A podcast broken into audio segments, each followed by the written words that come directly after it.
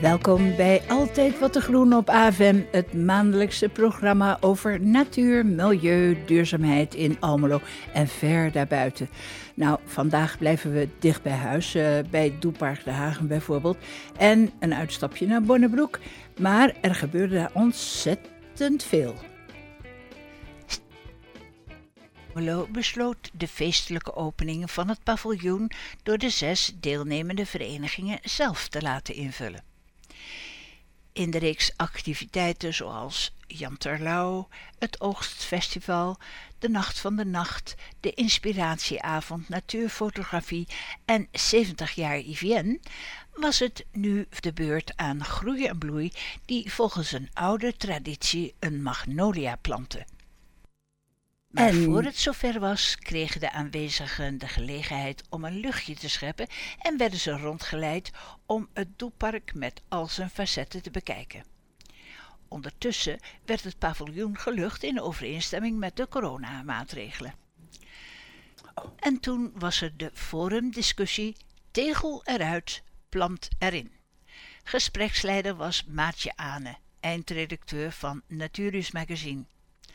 Frank Naber, landelijk voorzitter van KMTP Groei en Bloei, Evelien Gerritsen van IVN Almelo, Jan Marten van Rees, wijkwethouder van het centrum en beheer openbare ruimte, Hans van Achteren, dagelijks bestuurslid van Waterschap Vechtstromen en Michael Seibom, directeur van Landschap Overijssel, gingen aan de slag met klimaatadaptatie.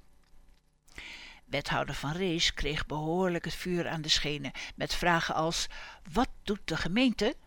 Over dat verandering niet alleen van boven kan komen, maar juist ook van onderaf, van de burgers, waren ze het alle eens. Ook over het feit dat Naturus Almelo daar een geweldig voorbeeld van is. Scheidend voorzitter Annelieke Huurneman gaf met de plantenruil twee keer per jaar van Groei en Bloei een voorbeeld van hoe zij natuur dicht bij de mensen brengen. En raadslid Marike van Doorn stak de loftrompet over de inspanningen van het IVN. Harry Kolk complimenteerde het bestuur van Stichting Natuurus Almelo met hun doorzettingsvermogen, dat tot dit prachtige resultaat had geleid. Eensgezind toog het gezelschap daarna weer naar buiten, waar de magnolia met vereende krachten een goede plek kreeg. Het Natuurhuis is genomineerd voor de Stadsprijs en het Imerschoer hield een bijendoemiddag. En vrijdag, aanstaande vrijdag, wordt er een tiny forest aangeplant in Doepark de Hagen. En dat gebeurt door kinderen die uh, van, uh, van, hoe heet het, van de Windhoek, sorry.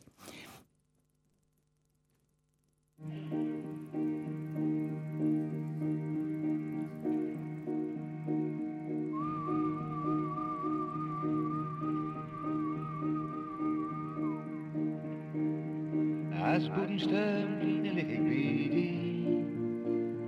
En door het boomlicht glit hem om. En met die de vracht komt bij mij. Dat is nog nooit met woorden doen. Drie op de golfslag van gedachten. Het is boetenroeg, ik ben alleen. Het gaat overdag die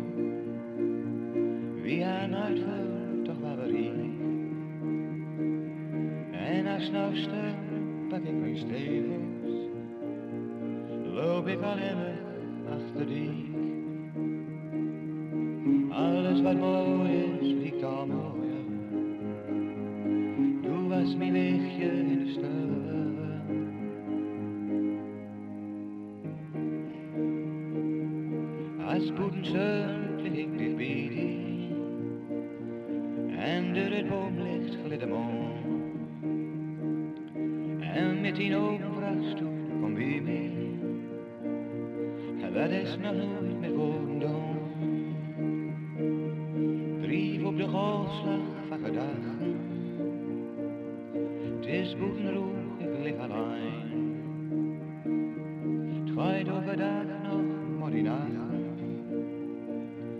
En in de verte heuken trein. Alles wat best is, liegt al mooier.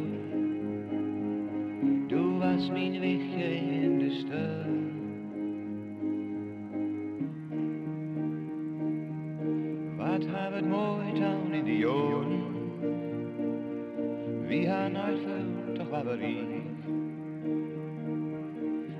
Stuk, pak ik mijn stegels.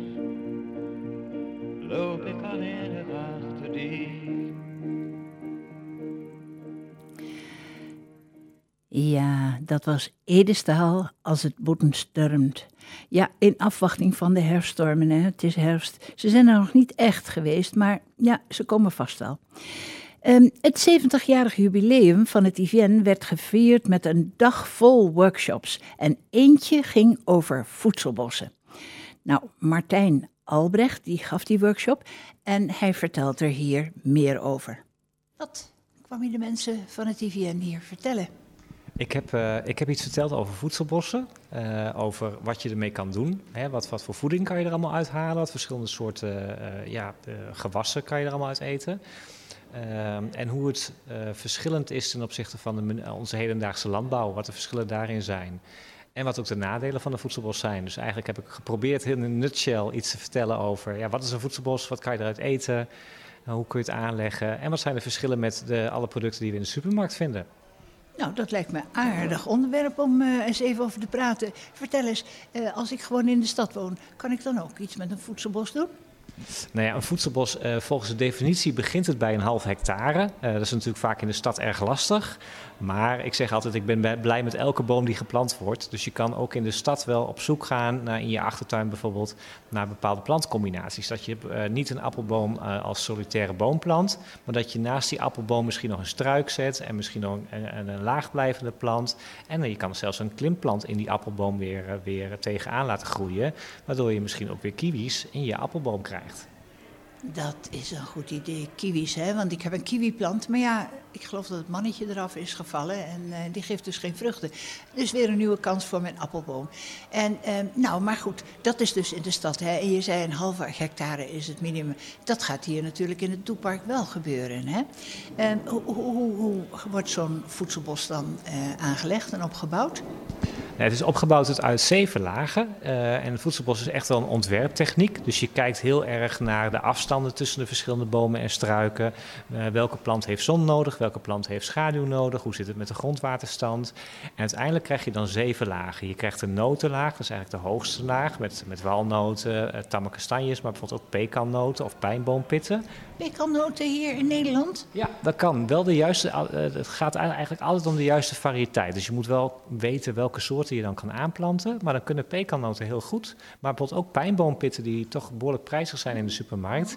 Uh, je kan hier uh, Koreaanse pijnboombomen uh, aanplanten, zoals die zo mooi heten. Die komen uit Korea. En die geven eigenlijk nog eens een keer vele grotere pijnboompitten dan die we in de supermarkt hebben. Nou, dat zijn dus dat is de bovenlaag, de notenlaag. En dan? Nou, dan krijg je eigenlijk de bekende fruitsoorten, uh, die we vaak in de, in de fruitboomgaard tegenkomen. En naast appels, peren en pruimen heb je dan ook nog een keuze aan enorm veel verschillende dingen die we eigenlijk bijna niet kennen. Uh, denk aan kaki's, die we toch in de supermarkt nu wel regelmatig tegenkomen. Maar ook pauwpaus, dus een hele tropische vrucht die weer uit Amerika komt. Uh, je hebt speciale fruitsoorten. Je hebt de nashi-peer, dat komt weer uit Azië. Of je hebt de Russische pruim. Je kunt het zo gek niet bedenken.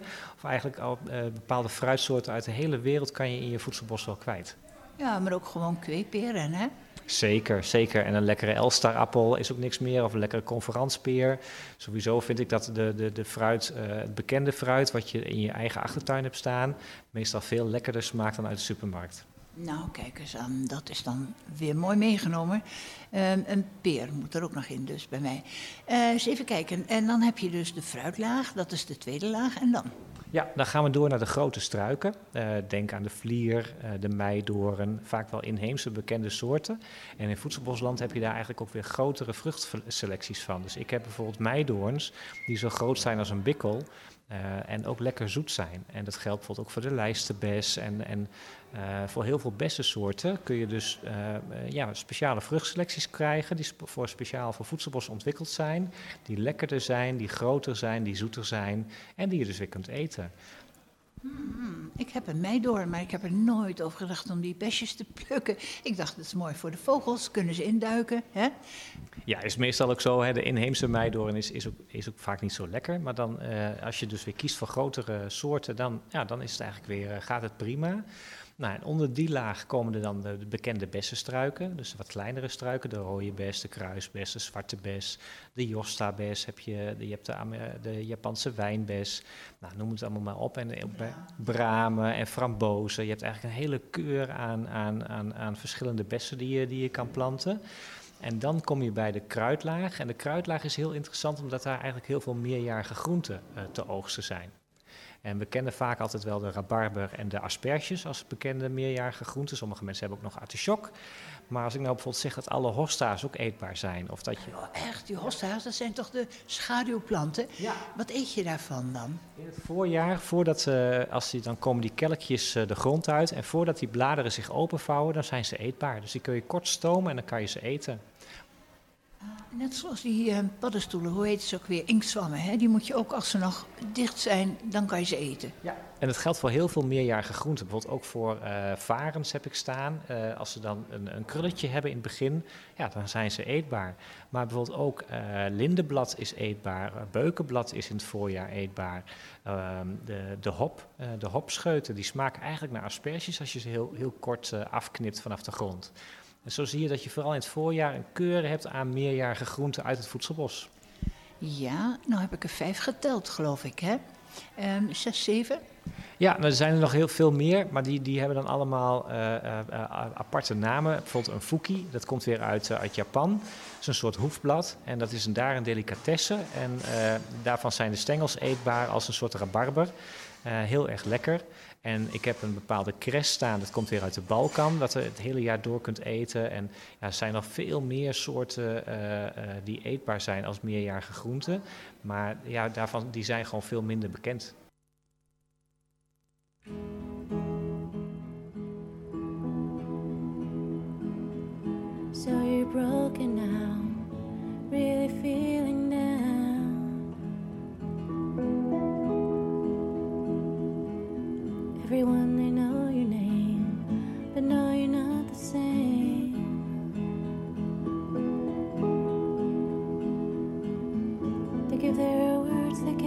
Time, they give their tears, they give their hearts, but nothing that they give can keep you safe or keep you sane.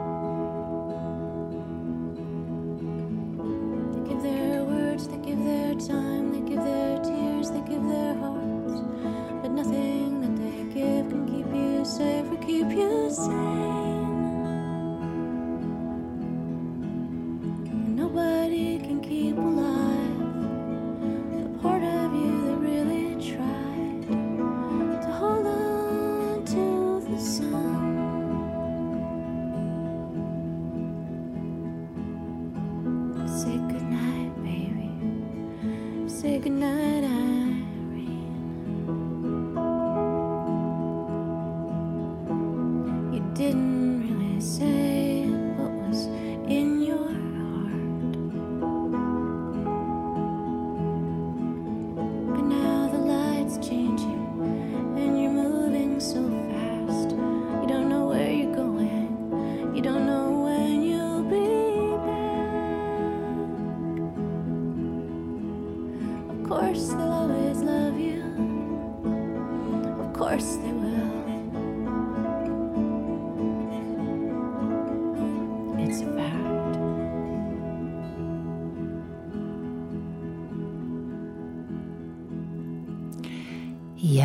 dat is Laurie Carson.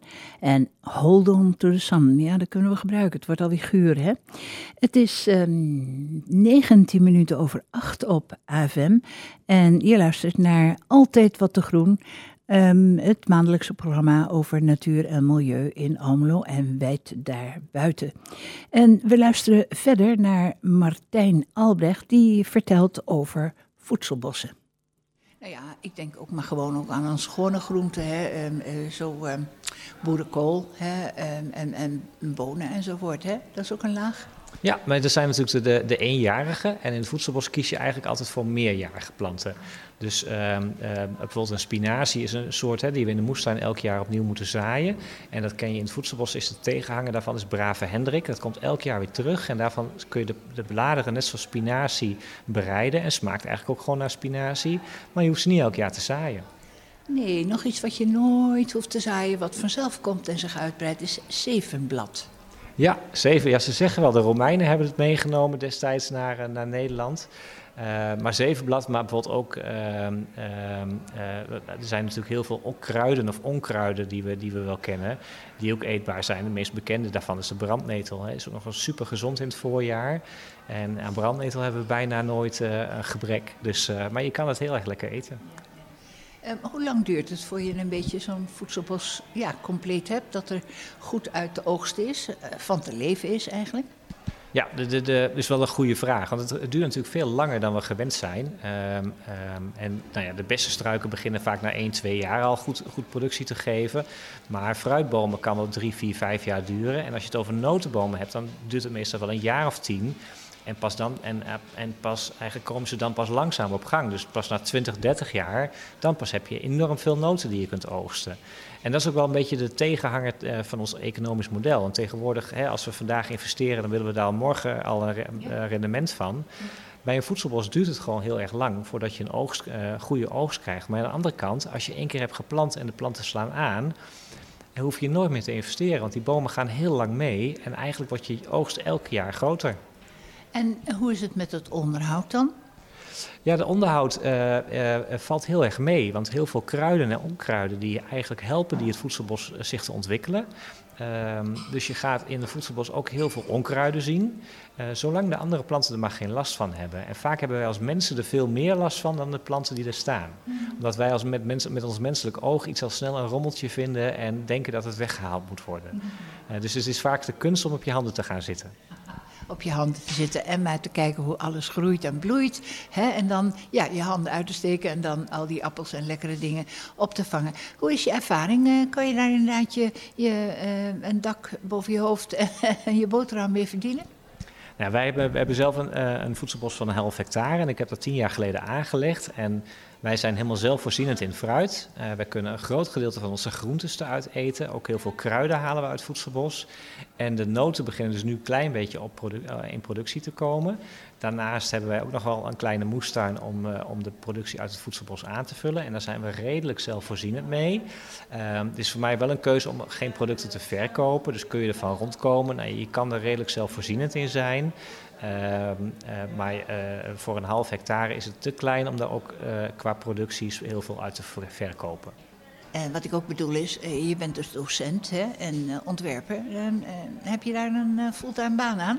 Ja, daar heb ik inmiddels een fulltime baan aan. Ik heb het jarenlang heb ik gecombineerd met, met een baan bij de gemeente. Maar inmiddels is het zo druk rondom voedselbossen dat ik het heel erg leuk vind om andere mensen te inspireren en te helpen bij de aanleg van, van een voedselbos. Ja.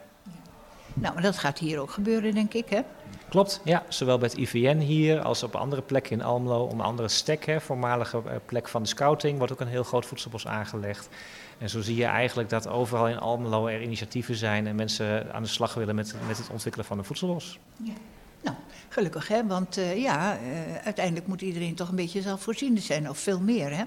Klopt, ik denk dat we, we, we hebben grote vraagstukken op dit moment en voeding is daar één van, maar bijvoorbeeld ook biodiversiteitsverlies. eh, hè, we maken ons druk om, het klimaat, we maken ons druk om, om water en hoe water eh, te infiltreren. We maken ons om een heleboel dingen druk. En eigenlijk zie je dat al die oplossingen kun je met een voedselbos een, eh, stukje aan bijdragen op een positieve manier. Je kan, het, je kan meer koolstof in de bodem vastleggen, wat goed is voor het klimaat. Het zorgt voor meer biodiversiteit, het zorgt voor gezonde voeding. En je hoeft er niet voor naar de supermarkt. Dus kortom, het is eigenlijk een antwoord voor een heleboel eh, lastige vraagstukken. Nou, nog een ander lastig eh, vraagstuk is toch ook exoten. Loop je niet het risico om ja, allerlei dingen eh, ja, te exporteren? Ik hoor Japans, eh Koreen- Koreaans. Ehm, ik denk dat er twee dingen door elkaar nu gaan. Je hebt te maken met exoten en, en, en inheems. Dat is, dat is een categorie. Maar wel, wat ik veel belangrijkere categorie vind, is, is iets in- invasief of niet. En een exoot kan invasief zijn, maar een inheemse plant kan soms ook behoorlijk inv- invasief zijn. En je wil in een voedselbos geen eh, eh, planten aanplanten die, eh, die de boel overnemen. Hè, want dan ben je niet goed bezig. Ehm, eh, we, we zijn eigenlijk, we, hebben een redelijk arm, verarmd inheems bestand aan beplanting. Onder andere door een ijstijd die we hier 10.000 jaar geleden hebben gehad. Die ervoor heeft gezorgd dat heel veel inheemse beplanting eigenlijk nooit meer is teruggekomen na die ijstijd. Ehm eh, wil niet zeggen dat het heel belangrijk is om heel veel inheemse soorten wel aan te planten, maar dat is meer voor de insecten en voor de vogels om ervoor te zorgen dat ze altijd schuilgelegen hebben en voeding hebben. Maar een exoot is op zich oké in een voedselbos, zolang die maar niet invasief is. Martijn Albrecht, dankjewel. Graag gedaan.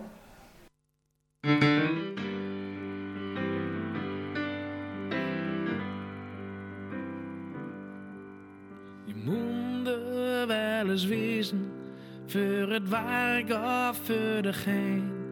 Met de auto naar het westen of even fijn met de trein.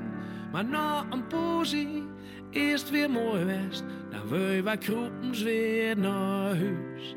En bij die bruggen eenmaal over, dan je zo wat weer thuis. Ten oosten van de IJssel is een eigen lege dap. In het land van de wiezen, daar komt de zon op.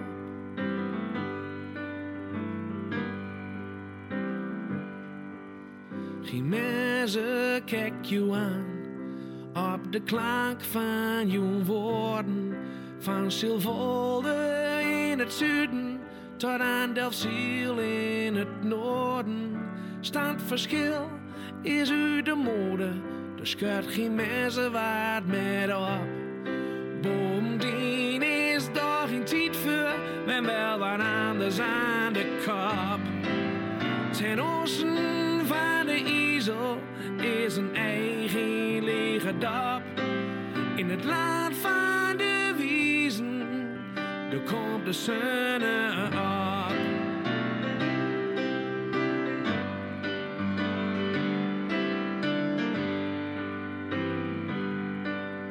Zwolle tot aan Em, Van Noord tot aan Berlijn. Ga maar eens oostwaarts in je gedachten. Of met een vliegmachine. En dan uiteindelijk aan jou maar deur gaan. Je weer bij het begin terecht op zich.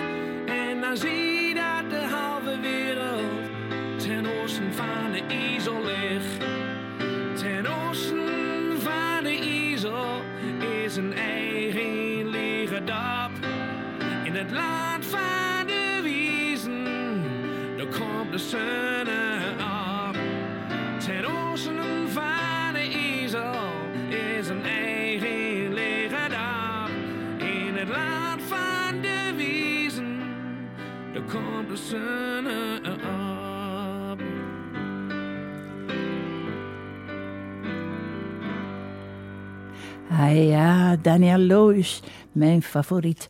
Hij eh, was er samen met Herman Vinkers in zo'n eh, praatprogramma. Ik meen Pauw en Witteman, al lang geleden, maar ik heb het dus goed onthouden. En ze bleven gewoon Twents en Drents praten. En ja, ja je zag Jeroen Pauw en, en, en Witteman, zag je dus af en toe eens verbaasd kijken, maar ze bleven dat gewoon volhouden. Was een heerlijk gezicht. Het was eh, ten oosten van de IJssel. Nou, eens even kijken. Ja, dan gaan wij door naar de nominaties voor de Stadsprijs. Ja, want het Huis van Lydia, de Stichting Naturus Almelo en Joke Pesi zijn genomineerd voor de Stadsprijs Almelo 2021. En burgemeester Arjan Gerritsen maakt vrijdagmiddag 17 december, zet hem in de agenda, in het stadhuis bekend wie van deze drie genomineerden zich winnaar mag noemen. Ja, van de Stadsprijs Almelo 2021 natuurlijk. En die oproep om kandidaten voor te dragen voor de Stadsprijs, die leverde meer dan 270 inzendingen op.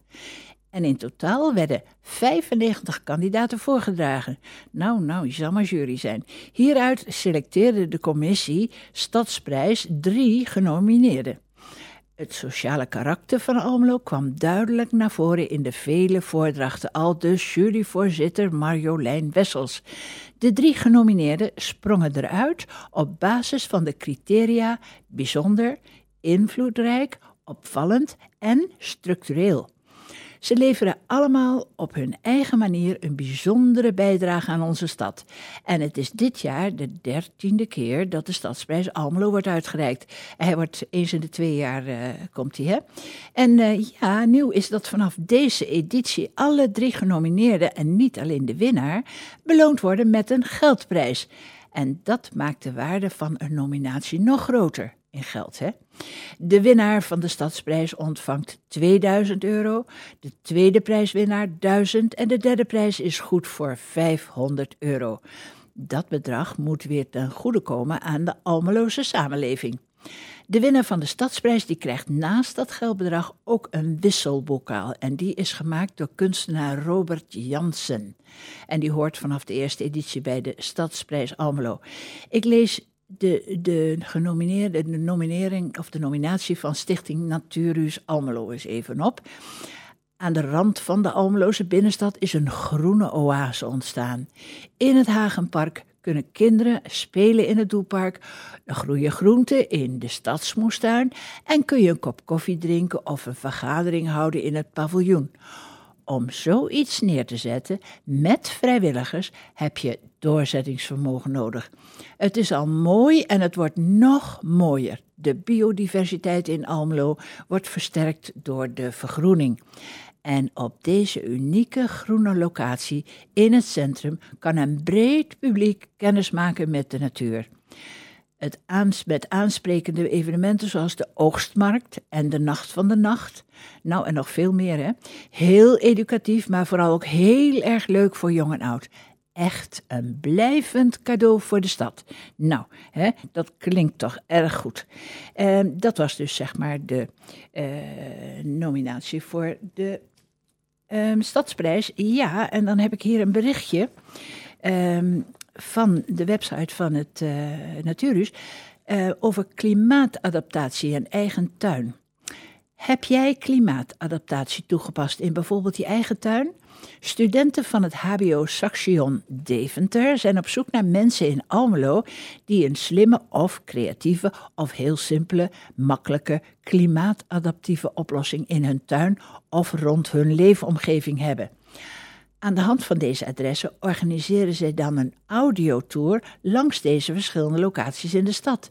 En daarbij wordt dan verteld hoe mensen dit gedaan hebben en hoe je dit in je eigen tuin kunt realiseren. Nou, om het te kunnen laten slagen en een goede route te creëren, zijn ze op zoek naar mensen uit Almelo die, zoals gezegd, een slimme, creatieve of heel simpele, makkelijke, klimaatadaptieve oplossing in hun tuin of rond hun leefomgeving hebben. Ben jij een van de mensen die zij zoeken? Laat het weten en mail naar Timon, T-I-M-O-N, Hogendijk met twee O's. En dan komt een getal 50 36 85 apenstaartje student.saxion.nl. Nog een keer Timon Hogendijk 50 36 85 apenstaartje student.saxion.nl. Nou, doen. Leuk zo'n audiotour. We zullen hem hier ook laten horen als hij uh, er komt. Um, je kan, heel leuk, op een ijsvogelsafari in Almelo. En dat kun je doen met Koen ten Hegler. En die heeft een uh, Chinese sampan. Een heel aardige boot. En de safari start bij de bronzen ijsvogels in de havenkom. Er zijn dekens tegen de kou aan boord en er wordt Chinese thee geserveerd. Warme Chinese soep en andere lekkernijen. En er is een keuze uit een korte, een uur durende vaartocht tot de eilandbrug. Of de lagere versie van twee uur naar de sluis bij Adorp. Reserveren kan via 06 13 06 01 05. Ik herhaal 06 13 06 01 05.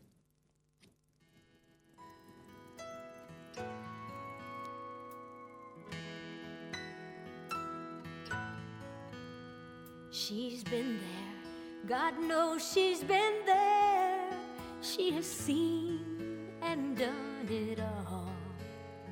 She's a woman, she knows how to dish it out or take it all. Her heart's as soft as feathers, still she weathers stormy skies, and she's a sparrow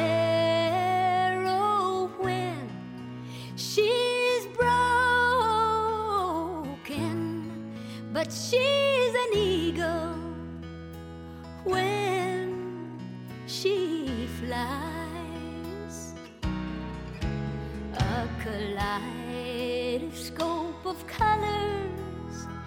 can talk.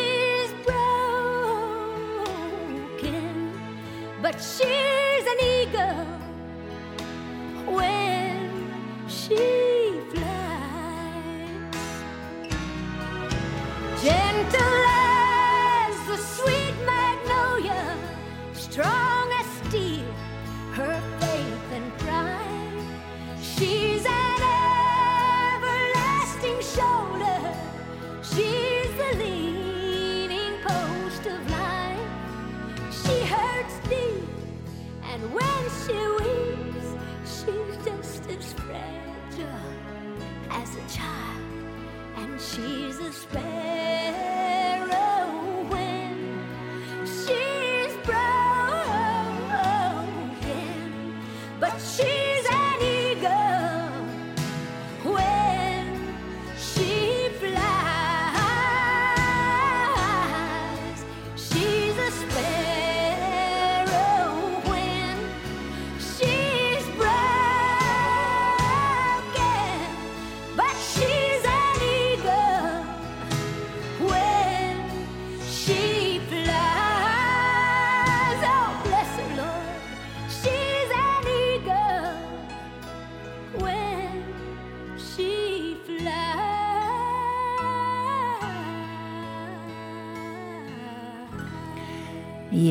Dolly Parton en She's an Eagle When She Flies. Ja. Ehm, wij eh, gaan nu luisteren naar Karin de Jong. En die is in ehm Erve de Pezen. Dat is ehm, in Bonnebroek, vlak bij de Groene Delta en eh Excel Business Park. En daar hield het Imeschoor, de bijenvereniging, een bijendoemiddag voor de jeugd. Karin de Jong vertelt erover. Karin, wat zijn die kinderen hier allemaal doen? Nou, dit is een, eh, ja, een bijendoemiddag. Dus alles wat maar een beetje met bijen te maken heeft, daar hebben we gegoten in een soort van doe-opdrachtje. Ehm was kaarsen smelten, eh, dompelen, eh, kaarsen gieten, maar ook van bijenwas bijvoorbeeld zalfjes maken. En even naar de bijenkasten toe gaan. Ja, vinden ze heel spannend, hè? Ze vinden het heel spannend, ja, Ja. absoluut. Ja. Bijen doen ontzettend veel. Als je het zo bekijkt, hè? En dan zie je zo'n hoop was liggen. En dan denk je, nou, daar moeten heel wat bijen mee bezig geweest zijn. En wat doen bijen eigenlijk allemaal? Ja, dat is echt eh, heel erg breed. Wat dat betreft, eh, nou ja, is het een hobby die weer heel veel hobby's met zich meebrengt. Want het gaat niet alleen om honing. Hè. Wij denken bij bijen altijd gelijk aan honing. Maar ze zweten ook was. Dat hebben we net aan die kinderen verteld. En van was kan je dan weer kaarsen maken. Maar was is ook een onderdeel van allerlei zeepjes, crèmpjes en eh, zit ook in snoep. Ehm, verder eh, halen bijen om hun eigen eh, volk schoon te houden, hun eigen huis eigenlijk schoon te houden, ha- halen ze propolis. Propolis is die kitstof die je ook wel bij de kastanjeknoppen ziet in het voorjaar. En daarmee dichten ze naden, maar dat halen ze dus ook. Ze halen ook water en ze halen stuifmeel, dat is voer voor de jongen. Samen met dat water wordt het een papje, dus ze voeren hun jongen. Het is heel fascinerend wat er allemaal in een bijenvolk gebeurt. Ja. En eh, nu is het winter. Eh, gebeurt er dan veel? Nou, bijen eh, slapen niet. Dus zoals de egel, die gaat echt in slaap. Hè, een winterslaap. En bijen zijn niet in slaap, maar zijn in winterrust. Dus ze zijn wel wakker. Het nest is ook echt nog wel warm. maar niet zo warm als in de zomer. Dus de temperatuur daalt wel. Maar als je een goede microfoon hebt, kun je eh, eh, in de bijenkast het, eh, het zachte gezoem wel horen. Ah, Dus ze zijn nog steeds lekker met elkaar aan het communiceren. Ja. Alle roddels van de zomer worden doorgenomen. Ja, En ja, en dan, dan, dan wordt het lente. En dan ineens zie je een zwerm. Wat is er dan aan de hand? Een zwerm is eigenlijk een natuurlijke manier om een volk te vermeerderen. Eh, de oude koningin merkt dat er een jonge koningin geboren wordt. En eh, de oude koningin vertrekt dan. De jonge koningin blijft achter. En het is eigenlijk de natuurlijke manier van het vermeerderen van een bijenvolk. Ja, nou lagen daar heel wat eh dode bijen op de grond. Hè? Ja. Zijn dat darren? Dat zijn ook darren, want darren gaan niet mee de winter in. Die snoepen alleen maar en die hebben dan hun, hun, hun dienst bewezen in feite. Dus die hebben geen nut meer. Maar het zijn ook gewoon bijen hoor. Natuurlijk, als je duizend, duizenden bijen in een volk hebt, dan gaat er wel eens eentje dood. Ja. En het is nu buiten toch vrij fris, dus normaal gesproken ben- brengen ze die bijen echt heel ver weg. Eh, maar nu liggen ze in de buurt van de kast. Zeg, en eh, kun je vertellen waar we hier zijn? Ja, we zijn bij RVP'se. Dat is eh, in Bornebroek, vlak bij de doorbraak. En daar eh, is een prachtige bijenstal gebouwd door Ba- eh, Imeschoer, een vereniging van Almelo, een imkervereniging. En Ehm, een onderdeel van het natuur. En een onderdeel, tuurlijk, ja, een onderdeel van Natuurhuis, dat zou ik bijna vergeten, inderdaad. Ehm, en hier, eh, ja, ver van alle bewoning, kun je makkelijk een aantal volken eh neerzetten. Ja, ik kan me niet zo Ja. echt voorstellen dat, eh, dat er in het, bij het natuurhuis een bijenstal zou zijn. Hè? Nee, het zou wel kunnen hoor, Ja? want eh, je hebt absoluut geen last van bijen. Maar mensen eh, ja, zijn toch makkelijk eh, dat ze daarvan schrikken. Dat ze denken, goh, eh, veel, eh, wat wordt er gevlogen? En een zwerm ziet er ook heel indrukwekkend uit. En als je het niet weet, dan ben je er makkelijk bang voor. Heeft dus echt geen nut, maar Nee. Nou ja, goed, er kan paniek Ja. uitbreken. En Zeker, dan, eh, ja, Dat ja. wil je niet hebben daar in nee, de stad. nee, nee. nee. Eh, wat doen jullie eigenlijk in het natuurhuis eigenlijk? Eh, want jullie zijn inderdaad onderdeel van het natuurhuis. Wat voor activiteiten vinden daar dan plaats? Nou, op termijn zullen daar ook wel kinderactiviteiten plaatsvinden. Maar ja, het is natuurlijk ook heel leuk om hier toch wel die bijenvolken te kunnen bekijken. Maar wij nodigen ehm, eh, sprekers uit. Dus eh Ben Som de Serf, dat is een hele bekende imker die ook heel veel filmpjes maakt. Ehm, komt op 24, 25 november bij ons en we zullen wat praatavonden hebben. Imkers hebben ook altijd wel veel te vertellen over hun hobby's. Ehm, nou ja, misschien meer lessen, educatie, maar ook leuke dingen doen. Ehm, en wat ook wel leuk vind, wat ik heel leuk vind, is dat een imker is niet gewoon een imker. Dan ben je al sowieso heel erg geïnteresseerd in eh, de natuur om je heen. Dus groei en bloei, ja, dat vind ik ook heel interessant. Eh, en, is een eh, soort kruisbestuiving. ja, ja, dus wat dat betreft, de combinatie van al die mooie verenigingen in één gebouw is fantastisch. Ja, Dankjewel. geen dank.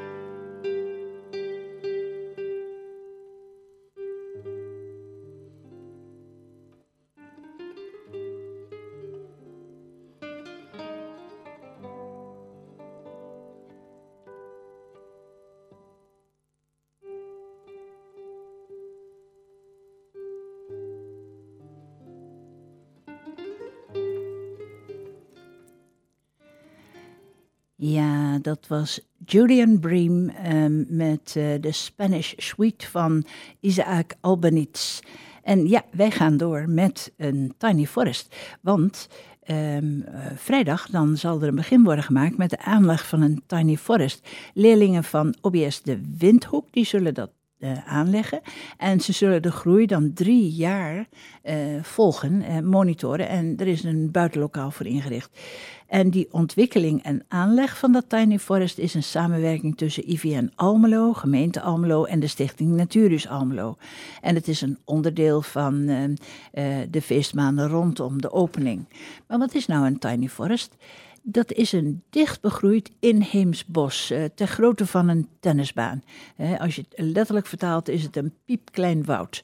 Maar ja, hier noemen ze het een minibosje. Het is niet alleen een prettige plek voor vlinders, vogels, bijen en kleine zoogdieren, maar ook voor mensen.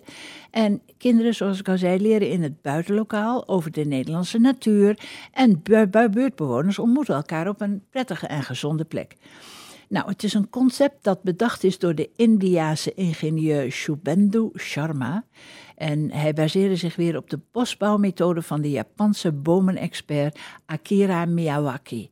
Dr. Miyawaki ontwikkelde in de jaren 70 een methode om natuurlijke inheemse bossen te herstellen. Hij legde ruim 1700 bossen aan, waarvan 96,7% zich binnen 10 jaar tot een veerkrachtig ecosysteem ontwikkelden. Nou, eh Shubhendu Sharma die raakte geïnspireerd door Miyawaki's aanpak en die vertaalde de werkwijze naar de stadsomgeving. Ehm, Martin Mulder was vorige week druk bezig om het terrein klaar te maken.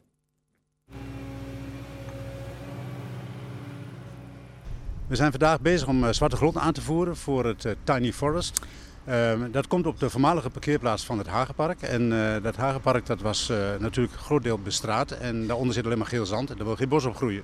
Dus we hebben daar eh, 25 centimeter afgegraven aan geel zand. Dat voeren we nu af. En er wordt 150 kubus zwarte grond, groeizame bodem, wordt aangebracht. En dat wordt vandaag verspreid. En dan kan volgende week het hoveniersbedrijf dat het bos aanlegt, die kan dan eh, samen met de schoolkinderen het eh, Tiny Forest aanleggen. En wanneer gaat dat gebeuren? Ja, ik dacht eind volgende week. Er worden heel veel boom- mooie boompjes in geplant samen met eh, de scho- schoolkinderen van eh, de lagere school de Windhoek. Wat gaan die kinderen daar doen in het bos? Nou, die gaan dat aanplanten en dan gaan ze dat drie jaar, eh, geloof ik, monitoren. Hè. Dan gaan ze volgen hoe het bos zich ontwikkelt. En dan gaan de bodemlevenontwikkeling gaan ze volgen, dat soort zaken allemaal. Zeg, en dan zie ik daar een heel diep gat in de grond. Ja, dat diepe gat dat moet een amfibieën en eh, poel worden op het diepste gedeelte. En het hogere gedeelte wordt een wadi. En een wadi dat is eigenlijk een, eh, een soort opvangbekken voor eh, hemelwater. Als het heel erg hard regent, dat het water niet naar de grote beken gaat of midden in de stad doorloopt. Maar dat het eerst opgevangen wordt en dan langzaam kan bezinken naar het grondwater toe. Dus dan vang je het binnen die eigen plek op waar je ook je water krijgt. Het helpt mee met de klimaatadaptatie. Je, je, voor, je loopt vooruit op dat de regenbui intensiever wordt.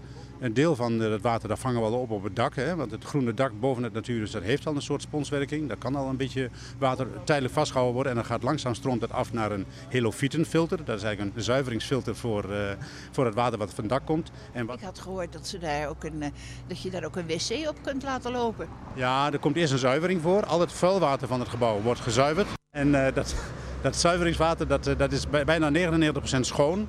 En eh, dat slaat dan over naar een, eh, een bezinkbak. Dat noemen wij een helofietenbak. En helofiet is een plant met eh, de wortels onder het water. Een soort rietfilter, een biezenfilter. En dat stort dan weer over naar de dieper gelegen wadi amfibiepoel.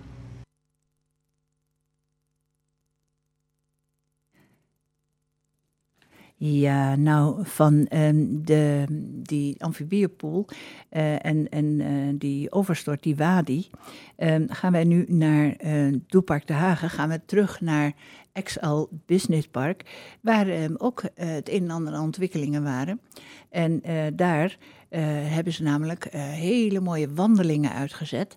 En die werden die werden dus zeg maar beplant eh, met eh, eetbaar groen. En eetbaar groen, dan moet je niet denken aan de blaadjes, maar aan eh, hazelaars en aan bestdragende struiken. En ehm, ja, nog veel meer van die dingen. En, het is waarschijnlijk dat de vogels eigenlijk daar veel meer van zullen eten, zeiden ze. Maar eh, goed, eh, het is een goed idee. Kijk, tegenwoordig is het zo dat eh, mensen als ze ergens werken, willen ze niet meer alleen in, in, in binnen zitten in kantoor. Ze willen ook ontspanning hebben. En het is gewoon langzamerhand bewezen dat ehm, dat, dat verblijf in het groen maakt gezond eigenlijk. Niet alleen de frisse lucht, maar ook het groen zelf maakt je eigenlijk rustig. Nou, ehm, van dat Doepark de Hagen, waar dus eh, zeg maar dat, eh, eh, hoe heet dat, de Forest wordt aangelegd, gaan we dus naar lunchwandelingen van de Groene Delta.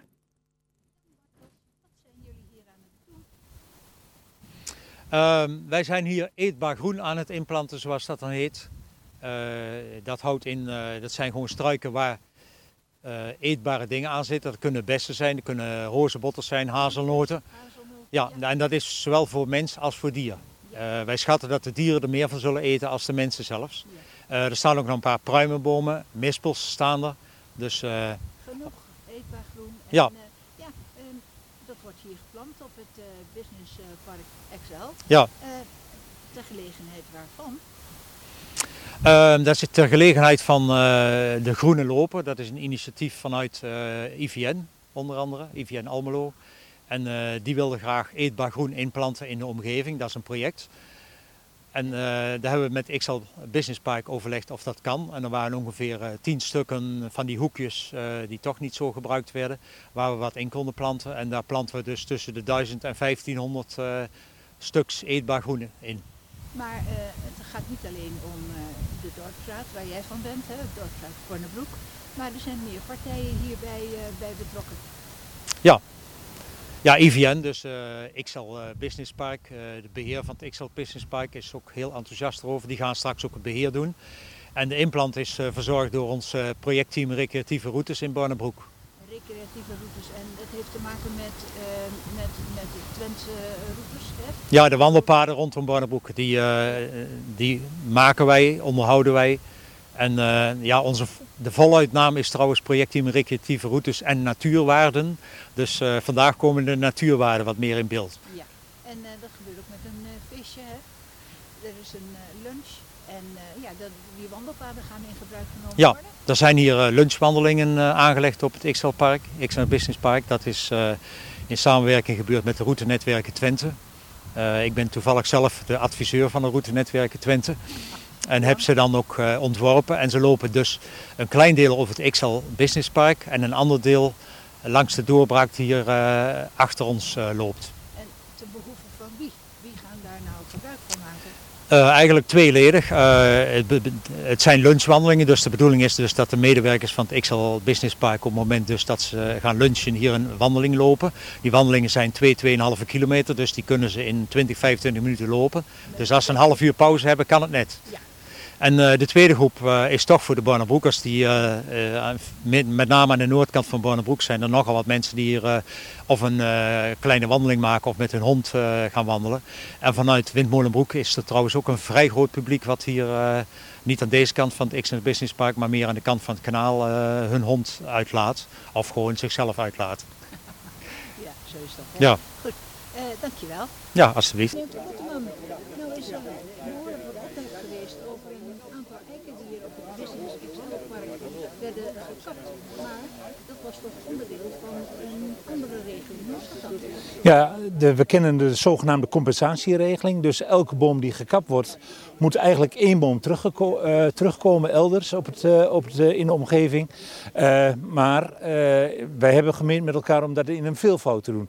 We hebben vanmorgen in, in, in de afgelopen week 2000 echt 2000 eh, struiken aangeplant met, eh, met eh, eetbare vruchten voor, voor mens en natuur.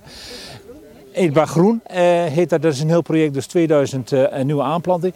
Plus die bomen die ge- gekapt zijn in het verleden en die nu worden gekapt, die worden in, een, in de termen van veelvoud gecompenseerd.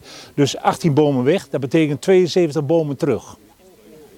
En eh, qua oppervlakte, hoeveel is er Eh, dat is, eh, ik dacht, eh, 3,5 hectare is er eh, weggehaald. En dat is ook in eh, eh, 16 tot 24 hectare wordt eh, gecompenseerd met aanplant van eh, groen. We hebben vanmorgen hebben we veel aanplant gedaan hier in de, in de delta. Dat is bestrijkt alleen al 12 hectare. Dus dat is allemaal ter compensatie van wat natuur wat hier is weggenomen. Dus in dat opzicht komt er veel meer terug dan wat hier ooit, eh zal maar zeggen, eind vorige eeuw, begin deze eeuw, toen het XL Business Park zich ontwikkelde, dat er eh, steeds meer terug gaat komen. Ja, eigenlijk is het zo dat eh, ja, natuur en, en economie hier eh, min of meer samenwerken. Dat klopt. Ja, lijnrecht. Maar toen was dat ook een andere tijd. Toen werd er gezegd van wij moeten industrie ontwikkelen. Werd er een weiland platgeschoven en fabrieken ingezet. En nu pas je het in in het landschap. En daar waar natuur eh, verdwijnt, moet je dat, eh, wil je dat, en niet alleen moeten, maar dat willen we ook compenseren.